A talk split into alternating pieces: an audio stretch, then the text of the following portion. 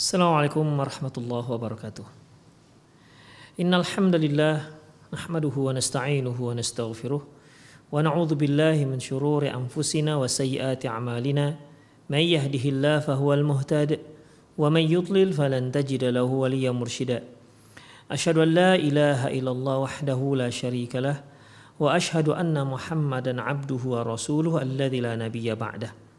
وقال الله سبحانه وتعالى يا أيها الذين آمنوا اتقوا الله حق تقاته ولا تموتن إلا وأنتم مسلمون. وقال عز من قال يا أيها الذين آمنوا اتقوا الله وقولوا قولا سديدا. يصلح لكم أعمالكم ويغفر لكم ذنوبكم. ومن يطع الله ورسوله فقد فاز فوزا عظيما. يا أيها الناس اتقوا ربكم الذي خلقكم من نفس واحدة وخلق منها زوجها وبث منهما رجالا كثيرا ونساء. واتقوا الله الذي تساءلون به والأرحام. إن الله كان عليكم رقيبا. أما بعد أصدق الحديث كتاب الله وخير الهدي هدي محمد صلى الله عليه وسلم وشر الأمور محدثاتها وكل محدثة بدعة وكل بدعة ضلالة وكل ضلالة في النار. Kaum muslimin dan kaum muslimat para pemirsa Rosat TV di mana pun anda berada Alhamdulillah kembali kita bertemu dalam acara fikhu dalam kajian kitab fikhu tarbiyatil abna di mana yang kajian lalu kita telah menyinggung terkait dengan pengaruh ya pengaruh kesolehan kedua orang tua terhadap uh, pendidikan anak kita lanjutkan wa min atharil a'malis salihah lil walidaini ala tarbiyatil abna ta'assil abna bihima fi hadhil a'mal fi hadhil a'mal. Di antara pengaruh kesolehan ataupun amalan soleh yang dilakukan oleh kedua orang tua yaitu pengaruhnya terhadap pendidikan anak yaitu si anak ikut uh, ikut melaksanakan apa yang dilakukan oleh orang tua. Sebagaimana yang ya ya sudah kita maklumi bahwasanya anak itu sangat gemar meniru orang tua. Ya. Dari tingkah laku, dari kesopan santunan, ucapan, ya. Kata-kata yang dilontarkan dari kedua orang tua itu sering ditiru oleh anak-anak. Demikian ikhwah. Oleh karena itu apabila orang tua mereka adalah orang tua yang santun, ucapannya lemah lembut, maka anak sedikit banyak akan terpengaruh dengan dengan cara berbicara yang sopan dan lemah lembut tersebut. Demikian ikhwah. Termasuk juga terkait dengan ibadah dan amalan-amalan soleh yang lainnya. Sebagaimana yang kalau kita lihat jika seorang anak melihat orang tuanya sholat ya sejak dia sudah pandai jalan ya dia sudah mulai meniru-niru gerakan-gerakan sholat orang tuanya. Demikian ikhwah walaupun ya gerakan-gerakan ruku dan sujud model anak-anak yang masih setahun lah ya yang sangat yang masih sangat lucu-lucunya tapi itu menunjukkan mereka itu meniru kedua orang tuanya. Demikian ikhwah. Ya. Jadi apa yang dilakukan oleh orang tua itu akan dilakukan oleh anak-anaknya. Fal waladul ladzi yara abahu daimat dzikri wa daimat tahlil wa tahmid wa tasbih wa takbir yaltaqitu min qawli la ilaha illallah wa subhanallah wa allahu akbar.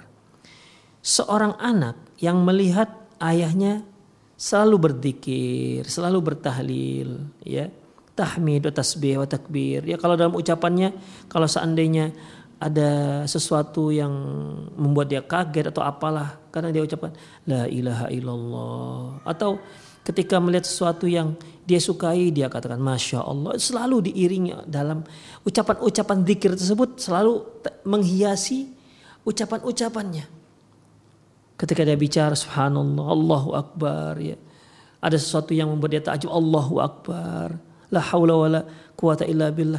Jadi ucapan apakah takbir, apakah tahmid, apakah tahlil, ya apakah tasbih, apakah takbir itu selalu apa namanya? selalu menyelang nyelingi ucapan uh, di saat dia berbicara. Demikian ikhwah. Ya. Maka hal itu akan ditiru oleh anak. Misalnya dia melihat anaknya apa ya main air misalnya La ilaha illallah. Nah, subhanallah. Jangan main air lama-lama nanti masuk angin. Artinya bicaranya itu selalu diiringi, diselang-selingi dengan zikir kepada Allah Subhanahu wa taala. Demikian ikhwah. Ya. Jadi uh, anak ini pun akan terbiasa mendengar hal seperti itu dan dia juga sedikit banyak pasti akan meniru ucapan-ucapan tersebut. Yaltaqitu min qawlihi la ilaha illallah subhanahu akbar. Dia akan mengambil, dia akan mengambil ucapan ini ya dari kalimat la ilaha kalimat subhanallah, kalimat Allahu akbar. Dia akan tiru-tiru walaupun dia belum pandai mengucapkannya. Ya. Walaupun ucapan ngomongnya masih celat gitu ya, nggak jelas. Tapi kita tahu maksudnya itu tasbih, maksudnya subhanallah, maksudnya itu la ilaha illallah, maksudnya Allah Allahu akbar. Walaupun tidak lurus tapi dia sudah pandai untuk meniru. Demikian ikhwah. Ya, ya model bicara anak-anak lah. Ya, demikian ikhwah.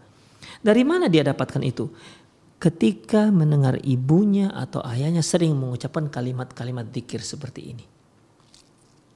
Demikian ikhwah.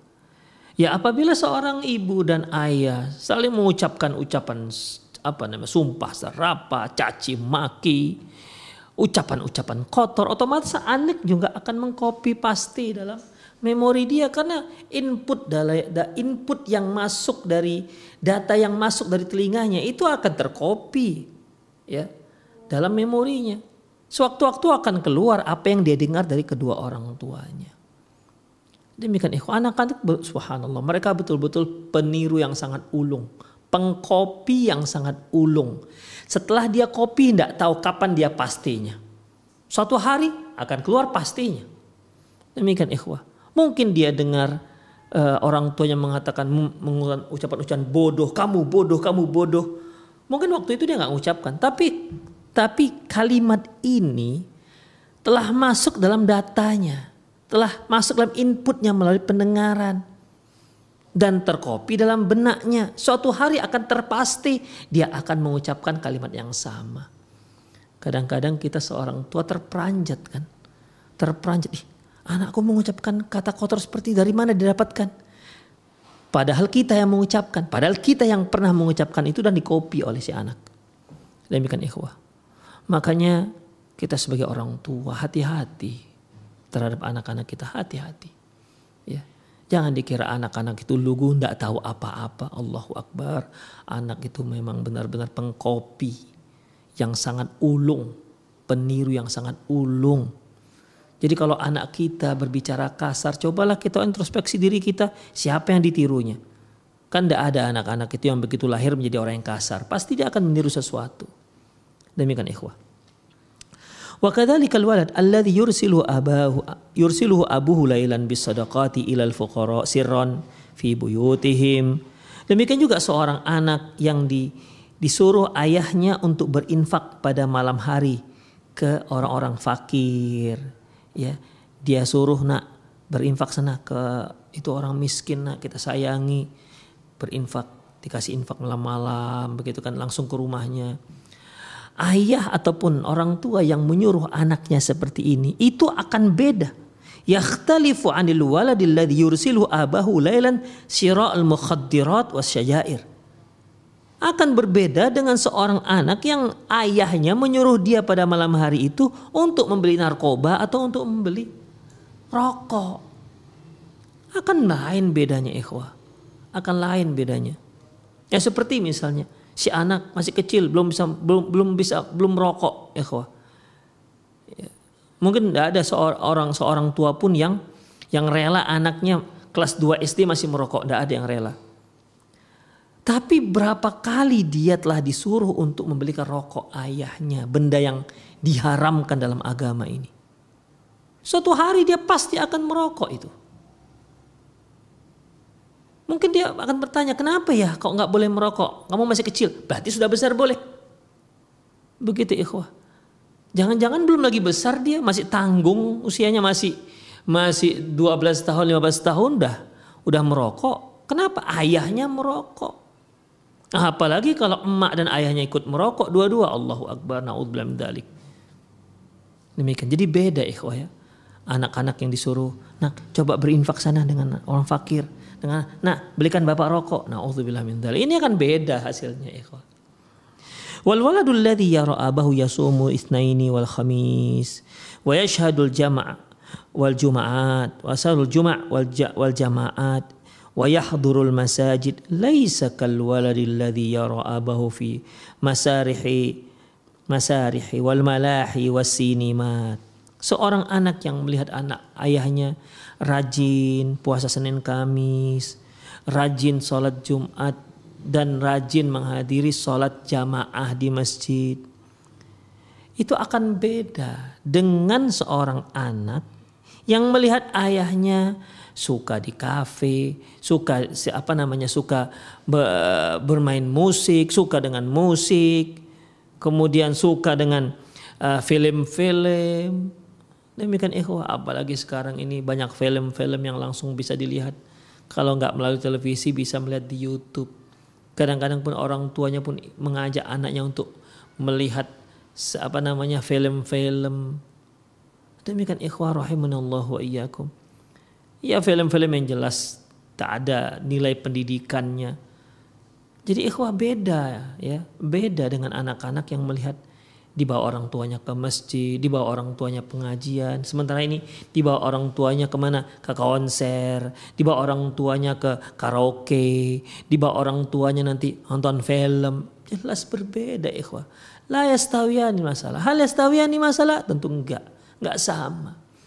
Yang satu mendidik anaknya untuk menjadi orang yang soleh. Yang satu mendidik anaknya tanpa dia sadari atau sadar atau tidak sadar dia telah menjerumuskan anaknya untuk menjadi orang yang fasik. Karena apa? Dibawa dia untuk melakukan hal, -hal yang fasik. Demikian ikhwah rahimani Allah wa iyyakum. Beda. Ya.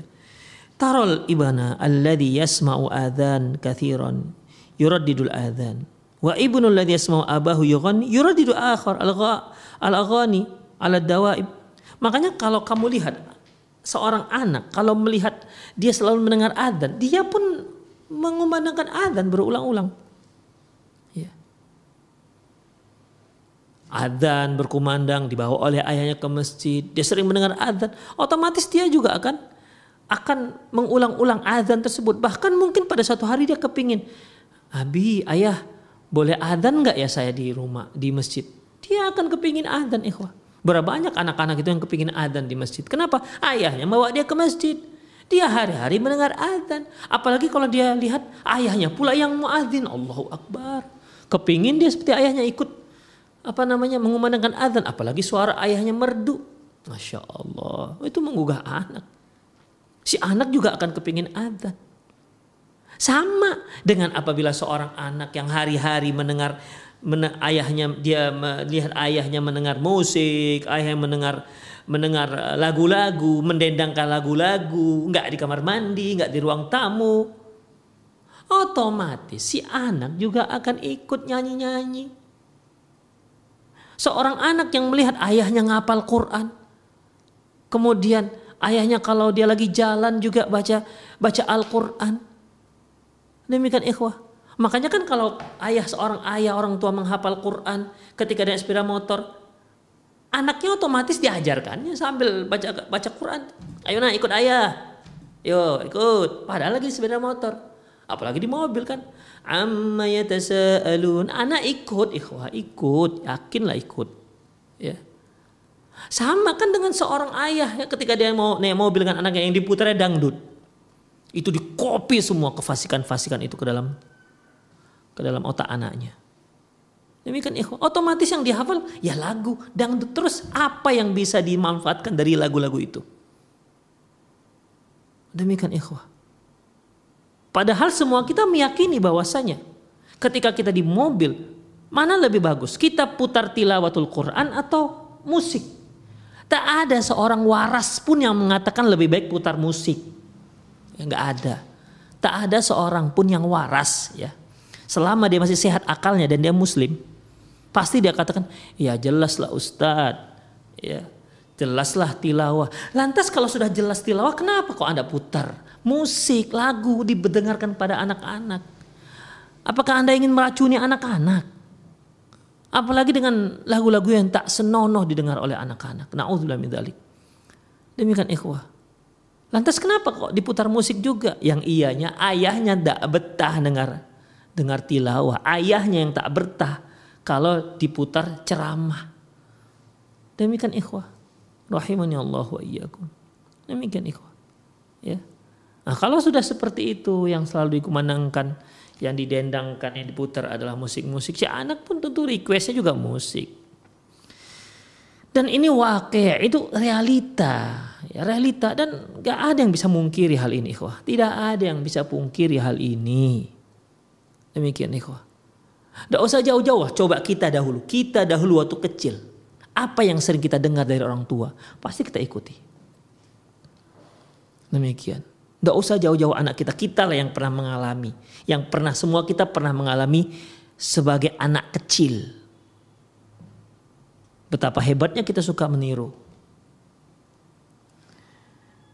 Kemudian wa in kana rajulu daimul bir, daimal birri li, li, li abawaihi qaiman bid du'a wa istighfar lahuma yatafaqqadu ahwala walidayhi wa yatma'innu wa yatma'inna alaihima wa yasuddu hajataihima yukthiru min qawli rabbi gfirli wa liwalidayya wa yaqulu daiman rabbi irhamhuma kama rabbayani saghira wa yazuru qabrayhima ba'da mautihima wa yukthiru min sadaqati anhuma wa yasilu man kana abawahu yasilah. Wa yu'ti man kana abawani yu'tiyan.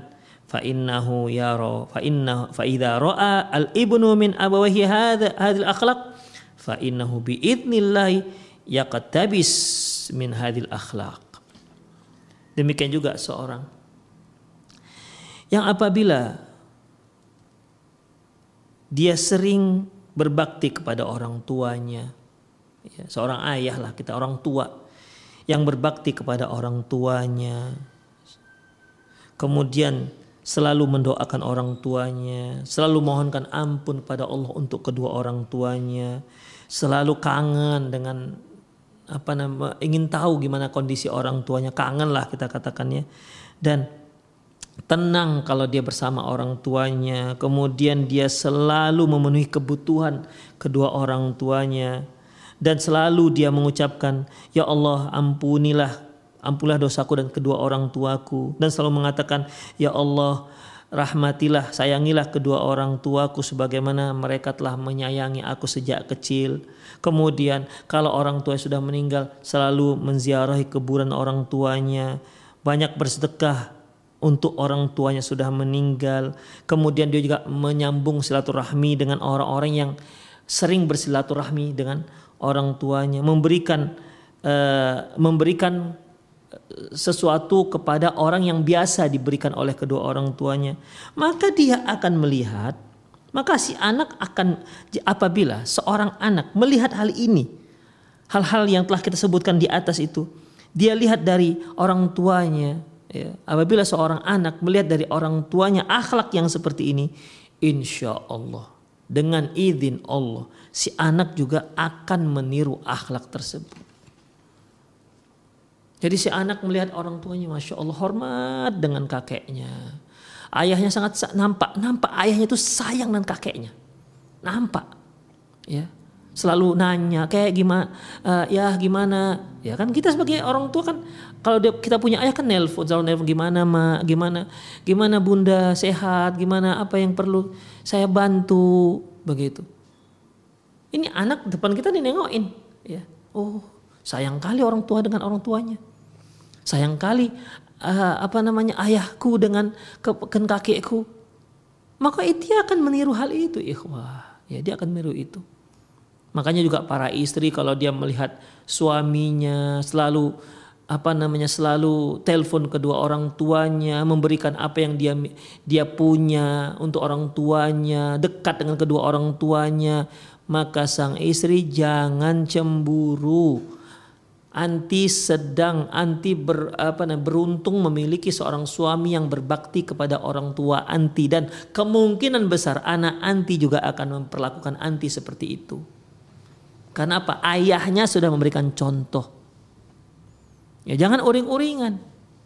Jangan uring-uringan. Nanti kalau kalau sang istri uring-uringan si anak bingung ini sebenarnya dilakukan ayahnya betul apa enggak? Demikian ikhwah. Bersyukurlah. Demikian ikhwah. Ya, jadi kalau orang tua selalu didoakan, masya Allah, anak juga akan mendoakan kita. Demikian ikhwah, rahimani Allah wa iyyakum. Ada satu kisah ikhwah. Ya ada satu kisah. Allahu alam akan realitanya tapi ya boleh jadi itu terjadi. Di mana ketika seorang ayah melihat anaknya itu membuat rumah, denah rumah. Ya, dibuatlah denah rumah, dibuat kamar-kamarnya, ada halamannya. Si ayah nanya, "Nah, ini kamar siapa?" Nah, ini kam ini kamar kamar saya ya. Ini kamar siapa? Kamar kamar kamar fulan begitu. Ini ruang tamu. Loh, ini yang di luar di luar rumah yang di di, di halaman ini kamar siapa? Ah, ini nanti untuk kamar ayah. Loh, kok bisa kamar ayah di luar? Karena dia apa? Lihat dia lihat kakeknya dibuat ayah tanah apa namanya kamar kakeknya dibuat ayahnya di luar. Tidak gabung dengan dengan apa namanya penghuni inti rumah. Si anak pun begitu dilihatnya. Oh, jadi kalau kakek-kakek itu kamarnya di luar rumah, dia di luar rumah bukan bergabung dengan keluarga inti. Anaknya pun akhirnya seperti itu. Niru ayahnya. Demikian ikhwah. Ya kalau kita melihat anak kita seperti itu. Dia masih buat denah rumah saja dibuatnya kita di luar. Itu masih kecil dia. Dari mana dia dapat ide seperti ini? Kenapa kok ayahnya malah di luar kamarnya? Kenapa nggak di dalam? Apa memang dari lahir dia sudah bawa ide itu? Kan tidak ikhwah. Mereka itu sudah, mereka itu fitrah. Suci mereka. Demikian ikhwah. Ya, dia jadi dia ternyata niru ayahnya. Sadarlah sejak itu ayahnya. Karena apa? Karena si ayah telah memperlakukan ayahnya, kakek si anak ini meletakkan dia di luar rumah. Naudzubillah min. Itu akan ditiru oleh anak-anak. Makanya hati-hatilah kita ya hati-hati. Kita beramal soleh harapan anak meniru kita. Dengan demikian amalan kita itu mengalir. Ya misalnya kita rajin sholat misalnya. Anak kita meniru rajin sholat. Itu ketika dia sholat kita mengalir ke kita. Kenapa? Ya kita yang telah mendidik dia mengajarkan dia sholat. Seorang anak perempuan pakai jilbab. Kenapa? Karena emaknya pakai jilbab. Jadi setiap kali si anak pakai jilbab, maka ibunya dapat pahala. Demikian ikhwah rahimanallah wa iyyakum. Ya, itulah dia. Wa yastaghfiruhu wal akhar li abawayhi ba'da mautihima wa yaf'alu bihima ma ra'ahuma yaf'alani ma'al aba. Di mana si anak juga karena melihat orang tuanya selalu memohonkan ampun kepada Allah untuk orang tuanya, maka si anak juga memperlakukan orang tuanya seperti itu. Tengoknya si ayah memperlakukan kakek seperti itu, maka si anak akan memperlakukan ayahnya seperti itu. Demikian ikhwah. Ya, setelah dia meninggal tetap si anak kan senantiasa berdoa untuk kedua orang tuanya. Karena apa? Karena orang tuanya berbuat seperti itu terhadap kakeknya, maka dia juga akan melakukan hal itu terhadap ayahnya.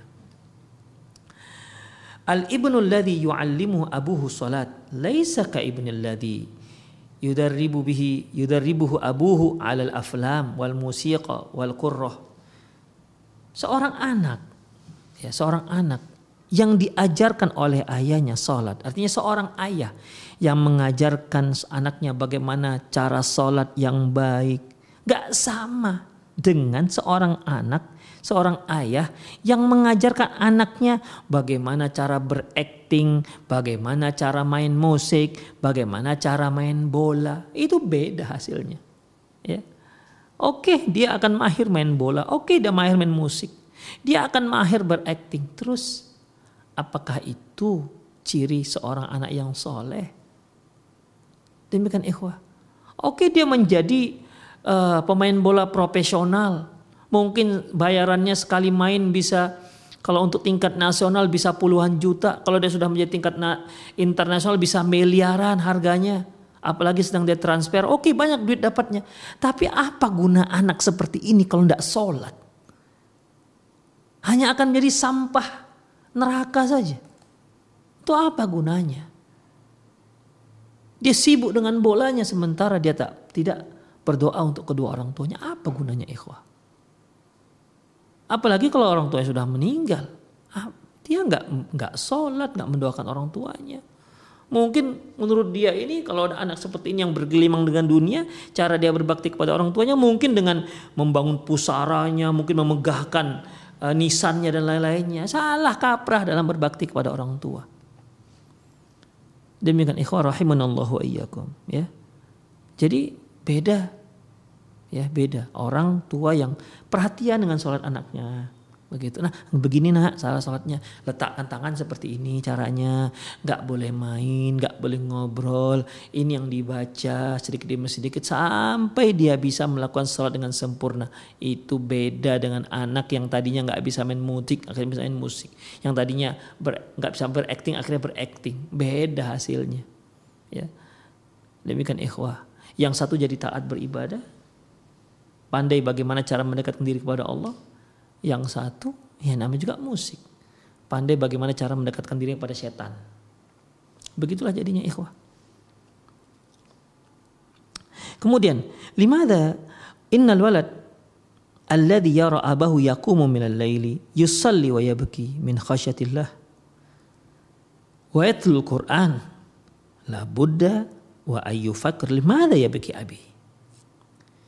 Seorang anak apabila dia melihat ayahnya sholat malam. Ya.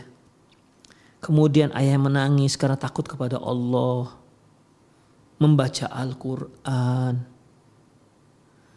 Si anak yang melihat seperti itu sedikit banyak pasti akan berpikir. Limada ya beki abi? Kenapa malam-malam ayahku menangis? Siang tegar, Masya Allah. Seberat apa pun pekerjaan tidak pernah menangis. Yang menangis bunda, yang menangis itu umi. Ayah nggak pernah nangis. Tapi mengapa tengah malam dia menangis? Ketika dia sholat di pertengah di sepertiga malam terakhir, kenapa ayahku menangis? Anak sedikit banyak akan berpikir. Lima ada yusolli abi? Kenapa ayahku kok sholat malam? Walimada yatrukun naum wal firasu dafi' Kenapa dia malah malah meninggalkan tempat tidur yang hangat? Wa yadhhabu ilal ma'il baridi yatawaddau bihi. Malah dia pergi mengambil air yang dingin untuk berudu. Kenapa itu semua? Limada yujafi jambihi 'anil madaji' madja' wa yad'u rabbahu khawfa wa tama. Kenapa ayahku malah menjauhkan dirinya dari tempat tidurnya dan pergi untuk berdoa kepada Allah khaufa wa tama'a dengan harap dan cemas. Kullu hadhi tasaulat taduru fi dhihnil ibni wa yukaf wa yufakkir fiha. Semua pertanyaan-pertanyaan ini akan berkutat, akan menggelayut dalam dalam benak seorang anak dan dia akan berpikir wa yaqtabis minha biidnillah dan insya Allah dengan izin Allah dia juga akan meniru apa yang dilakukan oleh orang tuanya tersebut. Wa kadzalikal fatatu allati tara ummaha daiman mutahajjibatan anir rijali mustata, minhum. Demikian juga jika seorang anak perempuan melihat ibunya selalu berhijab di hadapan laki-laki. Menutup aurat di hadapan laki-laki. Qad ghamaraha al-haya. Dikarenakan rasa malu. Wakasahal wiqar dan uh, dan dengan menutup aurat dia akan terlihat lebih tenang. Alat hala'ifah wa taharah. Di mana kehormatan kemuliaan itu sangat tinggi. Kesuciannya tinggi. Tata'allamu min ummiha al-haya wal wiqar wal iffah wat taharah kadzalik maka otomatis si anak perempuan ini akan ya belajar dari anak ayah dari ibunya bagaimana bersikap malu bagaimana sikap tenang bagaimana menjaga kesucian bagaimana menjaga kehormatan seperti ibunya demikian ikhwah ya jadi seorang ibu jika dia tak pakai jilbab tak menutup aurat di hadapan yang bukan mahramnya Si anak lebih kurang akan seperti itu. Ya. Sering di antara kita ikhwah di kalangan kaum muslimah tahu bagaimana bahwasanya menutup aurat itu wajib. Tapi itulah ikhwah. Ya. Ada yang merasa malu, takut dibilang so alim lah, takut in, takut inu, khawatir lah, belum pantas lah segala macam. Itu semua bisikan-bisikan setan, bisikan-bisikan iblis yang berupaya untuk menunda, untuk menghalangi kaum muslimah kita berhijab, berjilbab, menutup aurat. Itu merupakan bisikan setan dan iblis, yakinlah. Bisikan, oh belum pantas lah rasanya saya pakai jilbab. Na'udzubillah, itu setan yang membisiki, jangan diperturutkan. Mau pantas nggak pantas itu sekarang sudah menjadi kewajiban. Makanya ikhwah rahimanallah wa iyyakum. Coba perhatikan. Coba perhatikan. Apabila ada anak gadis tak berjilbab, coba lihat emaknya. Ikhwah, sedangkan emak berjilbab, terkadang ada juga anaknya tak berjilbab. Gak tahu lah sebab apa, mungkin karena lingkungan. Apalagi emak tak berjilbab. Na'udzubillah min dalik. Gimana dengan anaknya? Dia akan tiru. Kalau si anak melihat emaknya keluar rumah dengan rambut terbuka, apalagi dicat blonde begitu ikhwah. Kemudian apa namanya bersolek dan dan habis-habisan, pakai parfum yang habis-habisan keluar rumah. Otomatis si anak akan meniru anak perempuan yang namanya perempuan ini kan memang tobiatnya suka dandan, tobiatnya suka berhias tobiatnya dia suka terlihat ingin terlihat cantik dan menarik di mata orang. Walaupun yang melihatnya itu adalah seorang kaum wanita juga. Itu tobiat wanita. Makanya Islam Islam membatasi. Boleh kalian berhias tapi ada tempatnya. Ya ada tempatnya. Jadi Islam bukan nggak boleh sama sekali. Enggak ada tempatnya. Kalian boleh berhias. Demikian ikhwah ada tempatnya. Bahkan bisa tergolong sebagai ibadah, dapat pahala.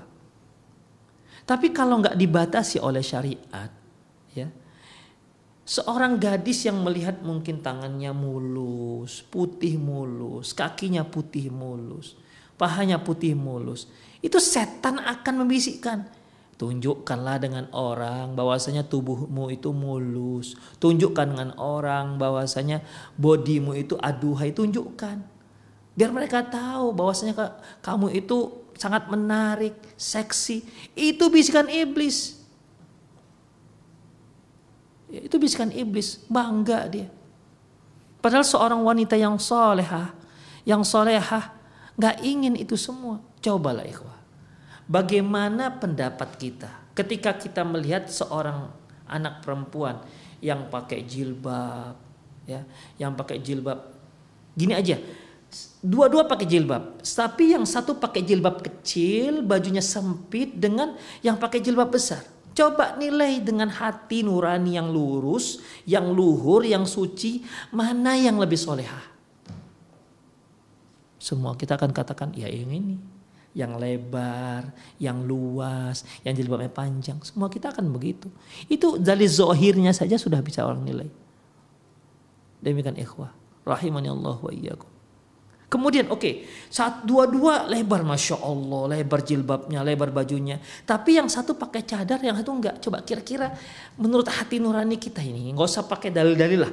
Ya, mana yang terbesit dalam hati kita yang lebih solehah? Kita kan nilai zohirnya. Semua kita akan mengatakan ya pakai cadar. Kenapa? Lebih terhormat, lebih menjaga diri. Demikian ikhwah rahimani Allah wa. Itulah dia. Kecuali yang pemikirannya sudah dirusak oleh orang-orang orientalis ya. Dia akan katakan cadar itu adalah Arab, Arab bukan Islam. Lama-lama jilbab itu Arab, Arab, Arab bukan Islam. Akhirnya suruh kaum muslimah nggak berjilbab karena jilbab itu Arab katanya. Nah, jadi akhirnya anti Arab. Demikian ikhwah. Nggak berani terang-terangan mengatakan anti Islam. Dan ini wakil ikhwah rahimanallah. Dan itu terjadi. Begitulah antara anak dan ibu. Ya. Begitulah antara anak dan dan ibu. Ada satu peristiwa ikhwah dan ini apa apa namanya ya dan peristiwa ini uh, memang realita. Ya, seorang bercerita lah, seorang akhwat, seorang ibu bercerita.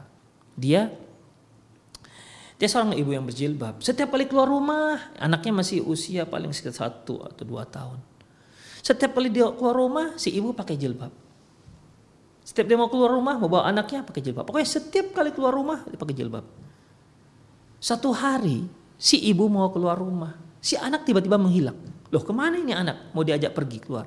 Rupanya dia baru dari kamar membawa jilbab si ibu. Ini umi jilbab. Dari mana dia tahu itu? Dari mana dia tahu bahwasanya kalau ibunya mau keluar rumah, ibunya butuh jilbab itu dari mana taunya? Kan dari sehari-hari yang dia lihat dengan ibunya.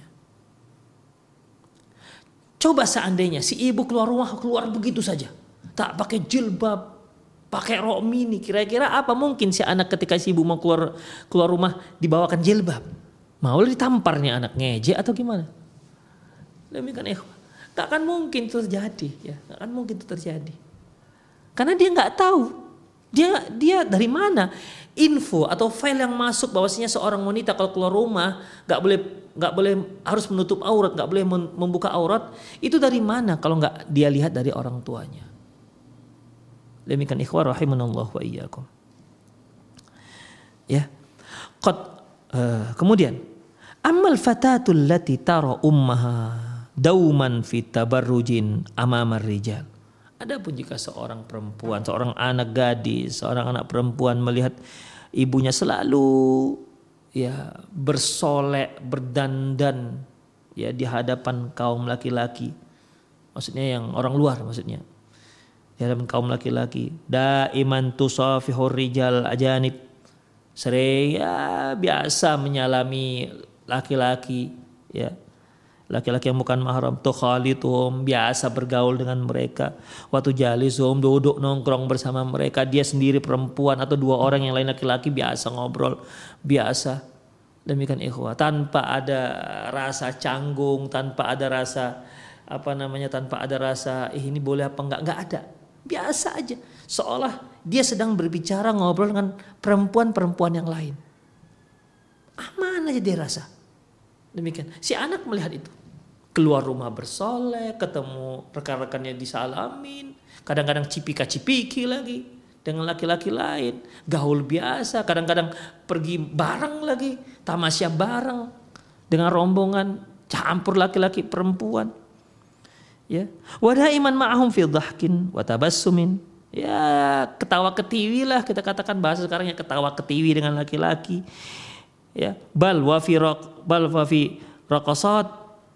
bahkan juga da, apa namanya uh, menari bareng dansa bareng misalnya dance bareng. Kan ada seperti itu ikhwah.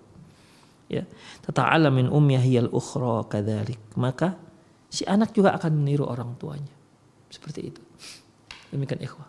Makanya kalau kita lihat ya anak itu umumnya umumnya nih ya umumnya mengikuti jejak orang tuanya. Dan orang tuanya juga kalau dia sukses dalam satu bidang di dunianya dia juga ingin anaknya ya paling tidak adalah salah seorang dari anaknya mengikuti jejaknya. Makanya kalau seorang ayah, seorang ayah itu seorang bisnismen yang sukses, maka dia juga ingin ada salah seorang dari anaknya yang meniru, mengikuti jejak ayahnya. Kalau dia seorang ayah, seorang artis, maka dia ingin ya artis yang sukses, maka dia juga ingin agar anaknya mengikuti jejak dia. Kalau ada seorang tua yang musikus misalnya, ya. Musikus, apalagi sampai terkenal begitu kan. Ya dia pasti ingin anaknya juga seperti itu. Dia seorang pemain, seorang pianis yang handal, dia juga ingin anaknya ikut seperti itu. Ikut pandai bermain musik, mungkin dia ingin bukan hanya handal di piano tapi juga kepingin handal di semua di semua alat musik, di gitarnya, di di pianonya, di drumnya. Dan orang tua pun ketika anaknya melihat mendengar anaknya pandai main itu semua dia merasa bangga. Dia bisa support, dia biayai dengan sekuat tenaga agar dia si anak kalau bisa lebih lebih piawai dibandingkan anak ayahnya. Nah, itu satu hal yang biasa terjadi seperti itu. Nah, masalahnya yang dibiasakan itu syari apa enggak, halal apa enggak. Sama seperti apabila si ibu dokter, ayah dokter, kira-kira dia kepingin nggak anak itu dokter? Saya yakin semuanya kepingin. Mereka kepingin anaknya dokter. Kalau dia misalnya ayah dan ibunya misalnya uh, spesial, ayahnya uh, spesialis jantung, ibunya spesialis, paru, anaknya juga kepingin ini.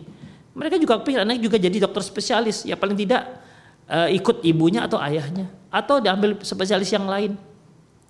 Kalau ayahnya spesialis jantung, ibunya spesialis paru, dia ambil spesialis bedah. Spesialis bedah misalnya. Kalau dia perempuan, dia inginlah anaknya supaya uh, mendalami kedokteran yaitu objin misalnya. Demikian ikhwah. Atau bedah tulang misalnya. Tapi intinya yaitu ingin anaknya juga ikut men menapaki jejak kedua orang tuanya yaitu menjadi dokter. Demikian juga halnya. Saya yakin apabila ayahnya seorang yang hafiz Quran, ibunya seorang hafiz Quran. Saya yakin anaknya pasti diarahkan dengan sekuat tenaga ke hafal Quran. Yakin saya. Ya. Yakin saya itu. Demikian ikhwah rahimani Allah wa iyyakum. Ya. Demikian juga kalau ayahnya us, ustad, ibunya ustazah misalnya. Yakin, pengen agar anaknya juga seperti itu. Itulah ikhwah rahimahullah wa iyyakum. Ya kalau seandainya dokter masih nggak masalah kan. Tapi kalau ayahnya musik, musikus misalnya, ya, artis atau pemain sinetron atau apalah namanya. Ini kan jelas tidak layak ditiru oleh anak-anaknya. Demikian ikhwah rahimanallah wa iyyakum. Apalagi si ibu. Si ibu seorang artis. Seorang artis yang biasa dengan pakaian-pakaian seksi anaknya juga akan ikut. Begitulah ikhwah tanpa tanpa dia tanpa dia sadari dia sudah meracuni anaknya. Fattakullah ayyuhal ab. Bertakwalah kalian wahai para para para ayah. Wattaqullah ayyatuhal um. Kalian para ibu bertakwalah kepada Allah, takut kepada Allah. Fi abnaik wa banatik. Pada anak-anak kalian, baik laki maupun perempuan. Bertakwalah kepada Allah, takutlah kepada Allah. Pegang amanah ini. Jangan sampai kalian ikut andil dalam menyesatkan dia selain setan. Jadi jangan sampai sudahlah setan berupaya menyesatkan anak-anak kita, kita ikut mendukung setan menyesatkan anak-anak kita. Nauzubillah min dzalik. Ya. Wa kun uswatun hasanatun lahum. Ya. Jadilah kalian kun huswatan uswatan uswatun hasanatun lahum jadilah kalian menjadi eh, suri tauladan yang baik untuk mereka. Bihusni khuluqi bihusni khuluqik.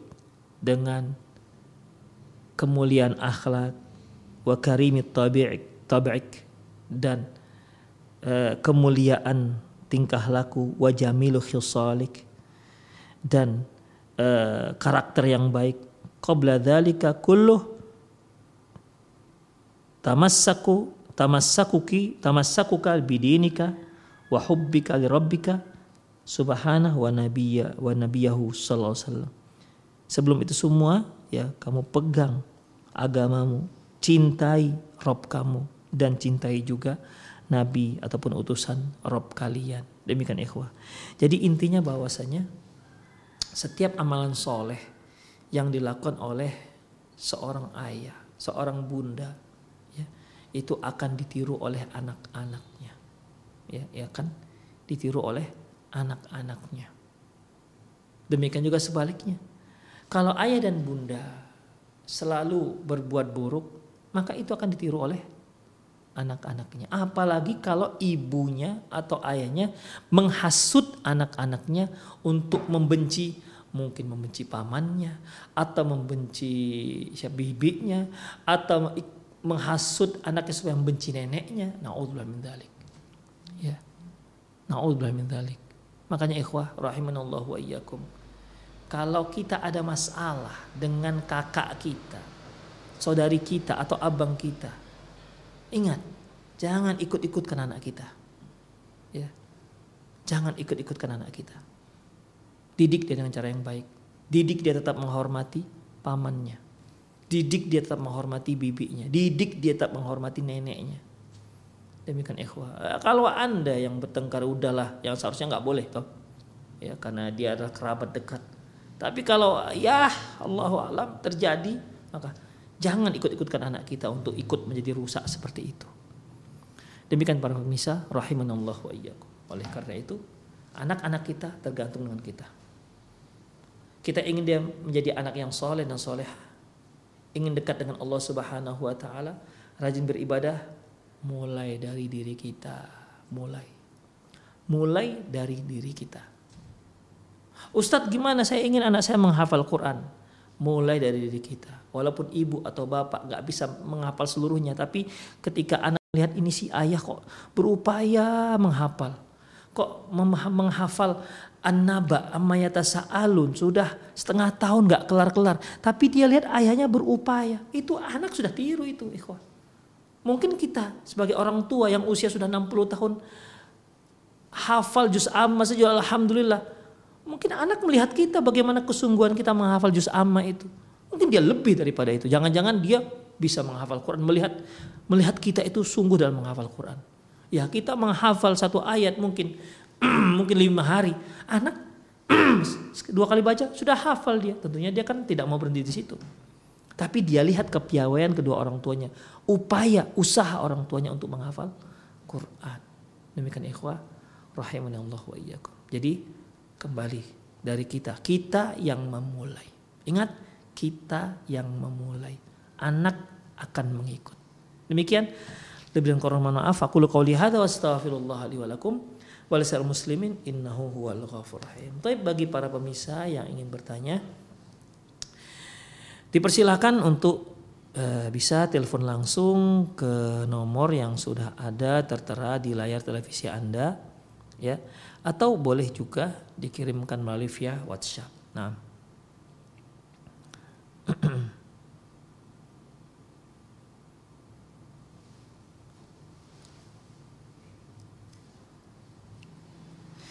Tapi coba saya baca ya agak panjang.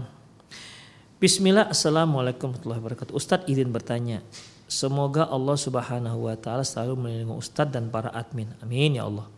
Ustadz Abang Fulanah telah menggadaikan sebuah barang di tempat penggadian yang ada ribanya tanpa izin. Lalu Fulanah menebus dan melunasi barang gadaian tersebut. Apakah Fulanah ikut dalam ribanya?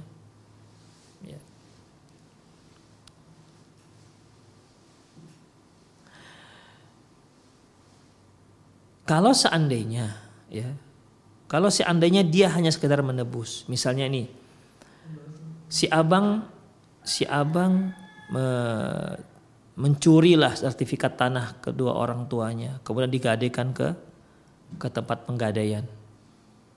Kemudian setelah ketahuan ya semua terperanjat. Akhirnya si adik sudah biar saya yang menebus misalnya. Boleh tidak ada masalah. Adapun masalah ribanya itu abangnya yang nanggung. Karena masalahnya kan tanpa izin.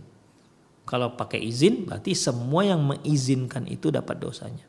Jadi si adik yang menebus ya yang menebus tadi tanpa izin kan yang menebus insya Allah tidak tidak terkena dalam e, riba tersebut karena dia ingin menyelamatkan apa yang digadaikan oleh abangnya ataupun adiknya.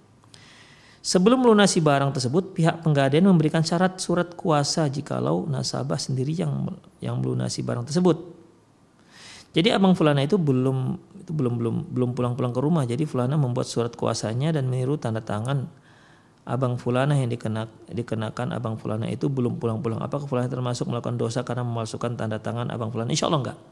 Ya, insya Allah enggak. Karena di situ ada kerugian, ikhwah. Dia ingin menyelamatkan hak dia. Insya Allah enggak ya Insya Allah enggak, enggak termasuk karena pertama dia telah tanpa izin kan mencuri namanya, ya mencuri. Kemudian mungkin barang ini lebih mahal dari apa yang dipinjam oleh abangnya untuk menyelamatkan itu juga. Kalau seandainya abangnya tidak ada, maka semakin banyak ruginya. Mereka juga semakin banyak mudorotnya. Ya, semakin banyak mudorotnya.